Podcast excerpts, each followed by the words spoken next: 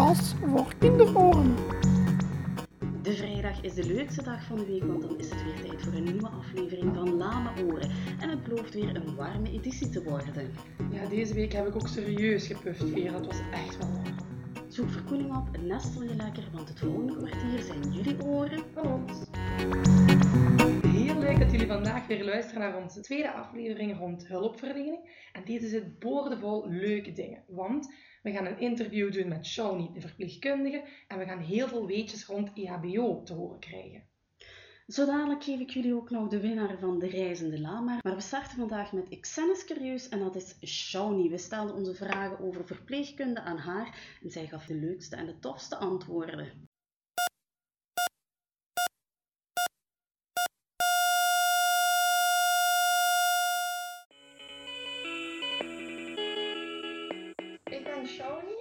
Ben 20 jaar en ik ga nu maar naar mijn laatste jaar van verpleegkundeopleiding. Eh, welkom Shawnee, fijn dat je er bent. Hallo, Vind je het goed als wij jou een paar vragen stellen? tuurlijk, dat mag. Vind je het leuk om verpleegster te zijn en eh, wat mag je als verpleegster doen? Ik vind het heel leuk om verpleegster te zijn, omdat ik heel veel met mensen eh, overweg kan. En wat ik het leukste vind om te doen, is met de mensen omgaan. Ik mag heel veel doen. Ik mag heel veel spuitjes zetten, maar ook eh, wondjes verzorgen, prikjes geven aan de mensen, met de mensen praten. Dus eigenlijk hoort er heel veel bij. Zijn er ook taakjes die je moeilijk of minder leuk vindt om te doen? Eigenlijk heb ik niet veel taakjes die ik minder leuk vind om te doen, maar er zijn natuurlijk wel taakjes die moeilijker zijn, omdat dat een, een speciale techniek is. Ja, dan moet je daar meer bij nadenken, want dan kun je wel eens iets verkeerd doen. Moet je als verpleegster veel spuitjes zetten? Ja, eigenlijk moeten we heel veel spuitjes zetten. Er zijn heel veel soorten spuitjes, maar ook eigenlijk heel veel prikjes geven om bloed te prikken. En dan moeten we eigenlijk bloed afnemen bij de mensen. Ehm, en dat is dan niet dat we een spuitje gaan toedienen, maar eigenlijk dat we bloed gaan afnemen, maar dan geven we ook een prikje. Ben je zelf bang van naalden? Heb je tips voor mensen die bang zijn van spuitjes? Ehm, ik ben niet bang van naalden, maar mijn mama en mijn broer zijn wel heel bang van naalden. En eigenlijk kan ik hun ook geen tip geven om daar van hun, bang, om van hun schrik af te geraken. Maar ik denk dat het gewoon belangrijk is als er iemand u een prikje gaat geven om dan stil te blijven zitten. En dan gaat de prik eigenlijk minder pijn doen dan dat je gaat bewegen van schrik.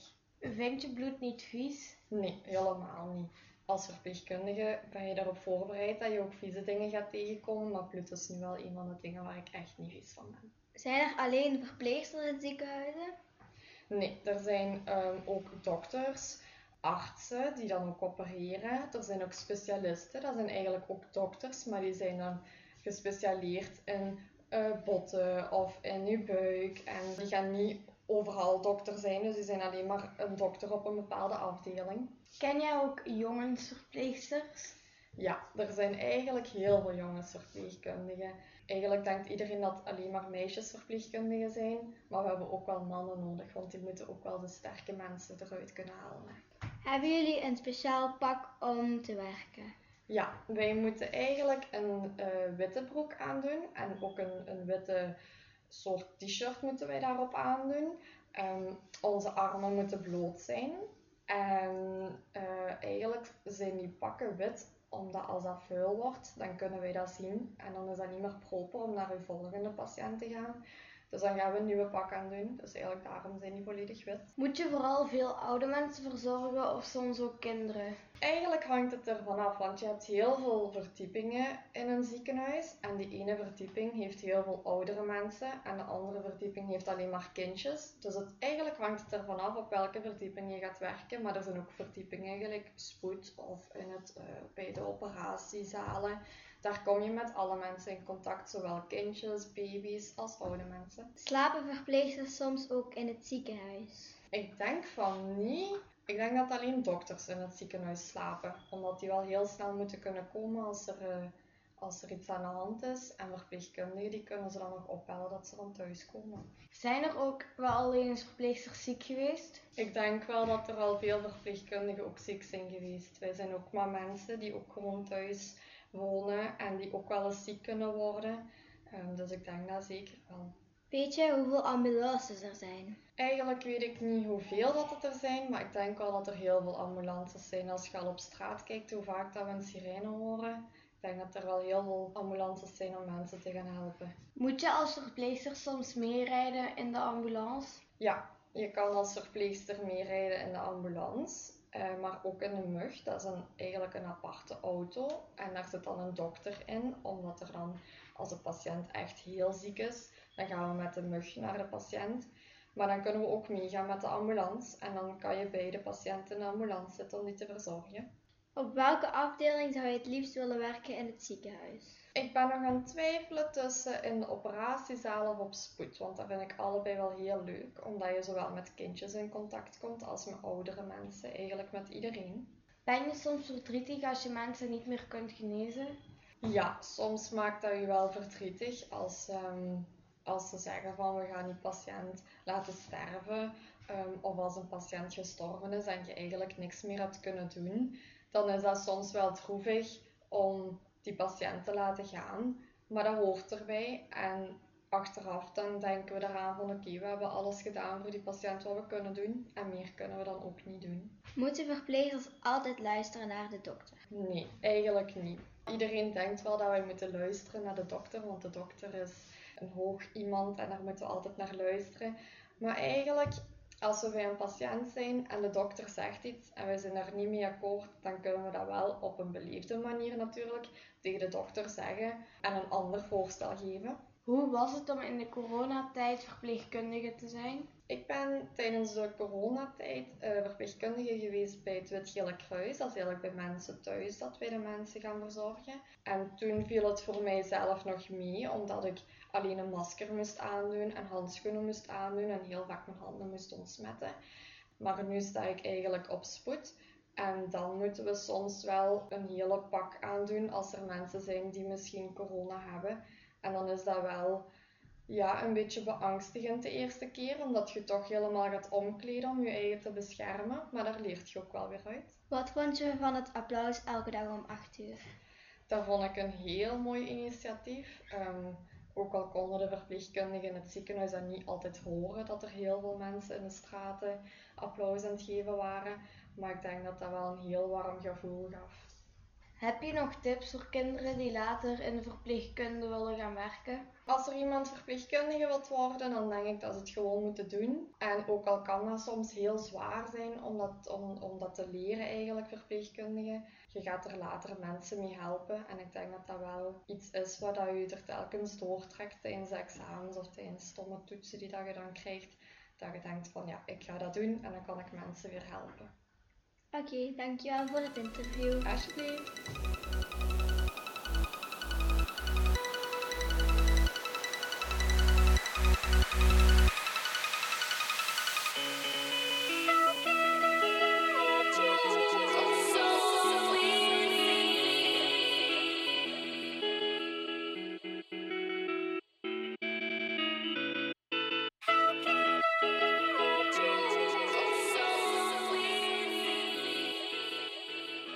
Dat was net, zoals de vorige interviews, weer een heel leuk interview om te beluisteren. Hè? Ik denk dat Shawnee echt wel een hele goede verpleegkundige is. Het is inderdaad een beroep met veel afwisseling en ik denk dat het af en toe ook wel heel spannend kan zijn. Zeker als ze op spoed gaat werken. Want ik ben ervan overtuigd dat als ze afgestudeerd is, dat Shawnee een topverpleegster gaat worden. Dankjewel nog eens voor langs te komen.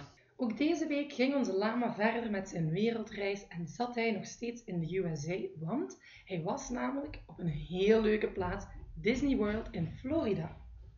Het lijkt me tof om er ook eens een keertje naartoe te gaan, maar helaas bij Lama Oren kunnen wij geen tickets voor Disney World weggeven. Wij hebben wel drie toffe stickers van Lama Oren in onze prijzenpot zitten en die gaan deze week naar... Semi-Lover 3. Want jij wist dat onze lama in Disney World in Florida stond. Heel veel succes ermee. Je mag er zelf eentje houden en je mag er ook twee uitdelen aan jouw vrienden. We zijn aanbeland bij de weetjes. En deze gaan leuk worden. Amai mijn oren!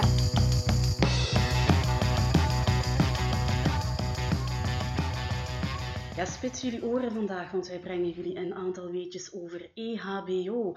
Shana, de letters E EHBO, weet jij waar dat die voor staan? Ik weet dat eerste hulp, eerste hulp bij onhandige mensen. Dat zou kunnen. Nee, het is eerste hulp bij ongevallen.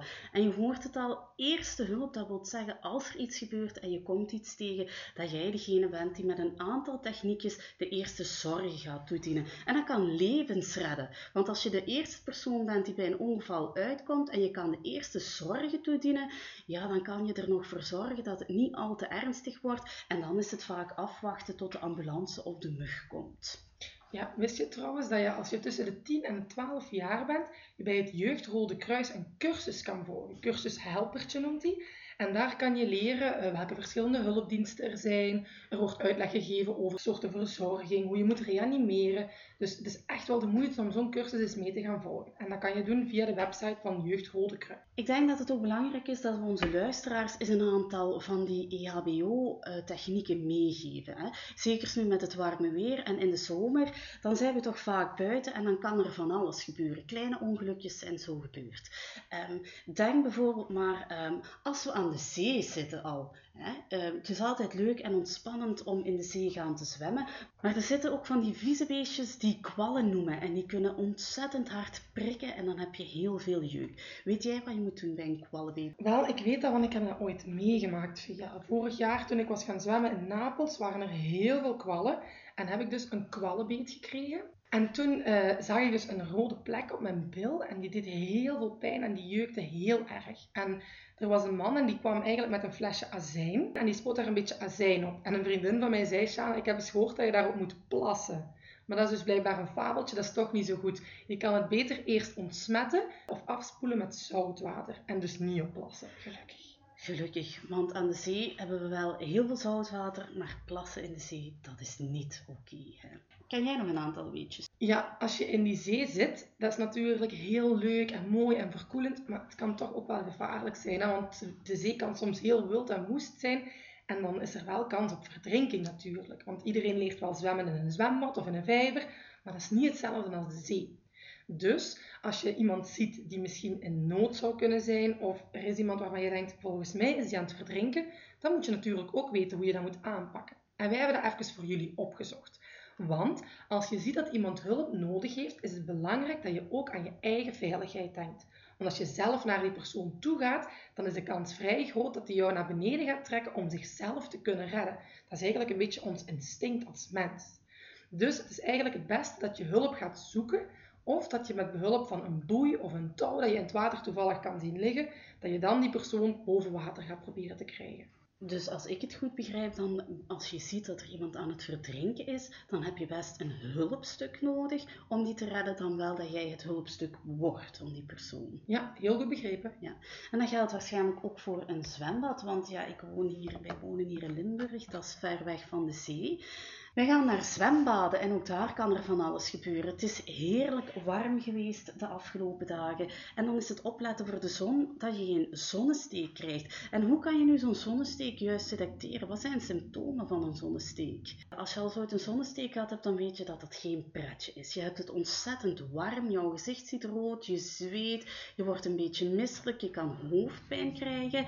Wat kan je er dan tegen doen om die zonnesteek te genezen of te verzorgen? Ga eerst ergens rustig liggen in een koele ruimte, dat je natuurlijk afkoelt, dat die warmte wat kan wegtrekken. Drink niet te koude dranken, want dan krijg je zo gelijk bij ijsjes eten misschien wel een brainvries, dan ga je te snel afkoelen en dat kan natuurlijk ook weer betekenen dat je gaat flauw vallen of dat er andere dingen gebeuren. Dus niet te koel water drinken, neem een frisse douche. Of uh, ja, ja, je belt beter hulpdiensten of de huisarts als het te ernstig is. De zon is niet alleen gevaarlijk voor een zonnesteek, maar je kan er ook heel erg van verbranden. Je huid ziet dan rood, het voelt pijnlijk aan. En soms gebeurt het zelfs dat je precies blaren met vocht op de, uh, op de plaats krijgt waar je verbrand bent. Dan heb je echt wel serieuze brandwonden. Het is heel belangrijk dat je die blaasjes, als je die zou hebben, zeker niet kapot prikt. En als je dan bijvoorbeeld een verkoelende douche zou nemen, dat je je huid niet gaat openwrijven met een handdoek, maar dat je rustig tapt. Ik heb ook ooit een, um, een tip gekregen dat je met uh, platte kaas op je huid zou moeten doen om te verkoelen. Uh, maar je kan natuurlijk ook gewoon flammigel gebruiken of een crème met aloe vera. ehm, om je huid eigenlijk terug te kunnen herstellen. En beste dagen nadien met een t-shirtje aan of een beetje uit de zon blijven. De zon die kan ook nog zorgen voor serieuze bloedneuzen. Er zijn mensen, als ze in de zon zitten, die last krijgen van een bloedneus. Maar je kan evenzeer een bloedneus krijgen van uh, je neus te snuiten, te hard te niezen. Um, op de speelplaats bijvoorbeeld, als er eens een bal tegenkomt of er loopt iemand tegen, dan kan je een bloedneus krijgen. En dat lijkt heel onschuldig een bloedneus, maar ook die verzorg je best zo snel mogelijk. Wat moet je dan eigenlijk doen? Het is best dat jij de persoon die een bloedneus heeft, of als je zelf een bloedneus hebt, dat je je hoofd lichtjes naar voren houdt. Heel wat mensen denken, oh, we moeten dan naar achteren houden, dat dat bloed niet begint te lopen en te druppen. Maar het beste is dat er dat goed kan uitkomen en dat je meegaat met jouw hoofd naar beneden en dan laat het maar er gewoon uitstromen. Hè. Knijp jouw neus ongeveer voor 5 minuten uh, dicht. Ook niet volle bak van voor op jouw neus. Doe dat zo'n beetje aan de richting van jouw neusbeentje. Controleer daarna of dat het bloeden gestopt is. Is het bloeden nog niet gestopt, dan kan je dat best herhalen. En dan pas steek je ook best pas van die watten in jouw neus. Het is niet de bedoeling dat je dat meteen gaat doen, want als die watten mee opdrogen en je haalt ze eruit, ja, dan begint jouw neus opnieuw te bloeden. Een ander veel voorkomend probleem dat we nu heel vaak horen bij kinderen die op kamp zijn geweest, zijn tekenbeet. En er zijn steeds meer teken en dat komt doordat de warme winters van de afgelopen jaren ervoor gezorgd hebben dat die beestjes beter kunnen overleven. En als je zo'n tekenbeet ontdekt hebt bij jezelf, is het belangrijk dat je die probeert te verwijderen met een, een tekentang, een grijptangetje of een pincet. En niet met je vingers, want dat is eigenlijk heel moeilijk om het met je vingers eruit te trekken. Want dan heb je heel vaak alleen het lijfje mee en niet de pootjes. En het zijn de pootjes die er zeker uit moeten zijn. Als je zo'n grijptangetje hebt, dan neem je de teek vast en je trekt de teek recht uit de huid. Je hebt ook zo van die speciale tekentangetjes en dat is zo precies een koevoetje.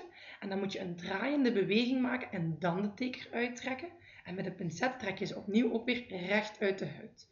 Het is heel belangrijk om de wonden daarna met stromend water uit te spoelen en de wonden te ontsmetten. En hou zeker ook het plaatje in de gaten waar het teek zich vastgebeten heeft. En ga naar de dokter als je toch twijfelt of dat er misschien nog iets in zit. Ik denk voor de zomer dat dat de beste tips zijn die we je kunnen geven. Hè? Maar algemeen blijft het als het zo warm weer is. Zoek verkoeling op, want voorkomen is beter dan genezen.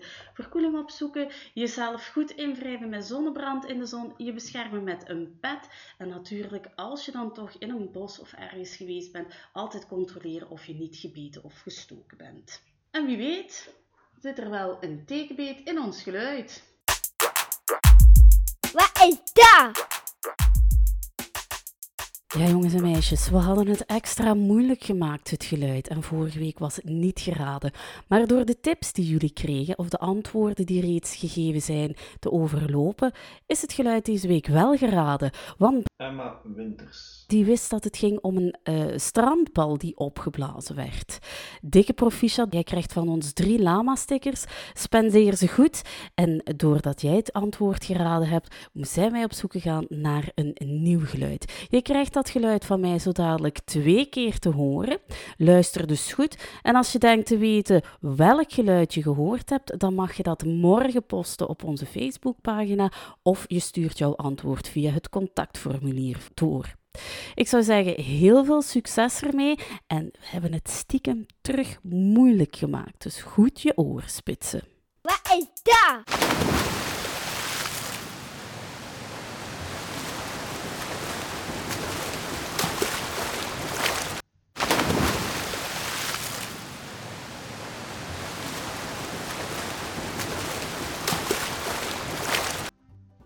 Gezien de warmte trekken we er deze week niet op uit in onze opshock, maar dat wil niet zeggen dat we geen tips hebben voor jullie dat je iets kan doen. Ook tijdens de warmte kan je je bezighouden en zoals je daarnet al gehoord hebt bij onze EHBO, is het belangrijk om verkoeling te zoeken. Ja, en ik heb deze week een heel leuke tip en vooral ook een lekkere tip om af te koelen in deze warmte. Je kan zelf ijsjes maken en dat gaat eigenlijk heel makkelijk. Je kan dat bijvoorbeeld met een petit doen, met een lepeltje in en in de diepvries. Maar je kan ook je lievelingsfruit blenderen en dat mengseltje in een ijsblokjeshouder of in zo'n speciaal ijsjeshouder doen, invriezen en daarna lekker opeten en verkoelen. En ook lekker gezond nog eens, hè? Ja. Dit was hij weer voor deze week, Shana. Het zit erop. We hebben de warmte weer overleefd hier in onze studio. Wat ga jij van het weekend nog doen? Ik denk dat ik de EHBO-cursus nog een beetje ga moeten toepassen, want ik heb een serieuze val gemaakt van de week en ik denk dat ik beter van tevoren naar deze aflevering had kunnen luisteren.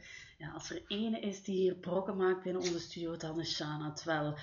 Ik ga lekker met mijn voetjes omhoog aan een zwembadje liggen en daar verkoeling zoeken. Maar ik beloof om mij goed in te smeren deze week.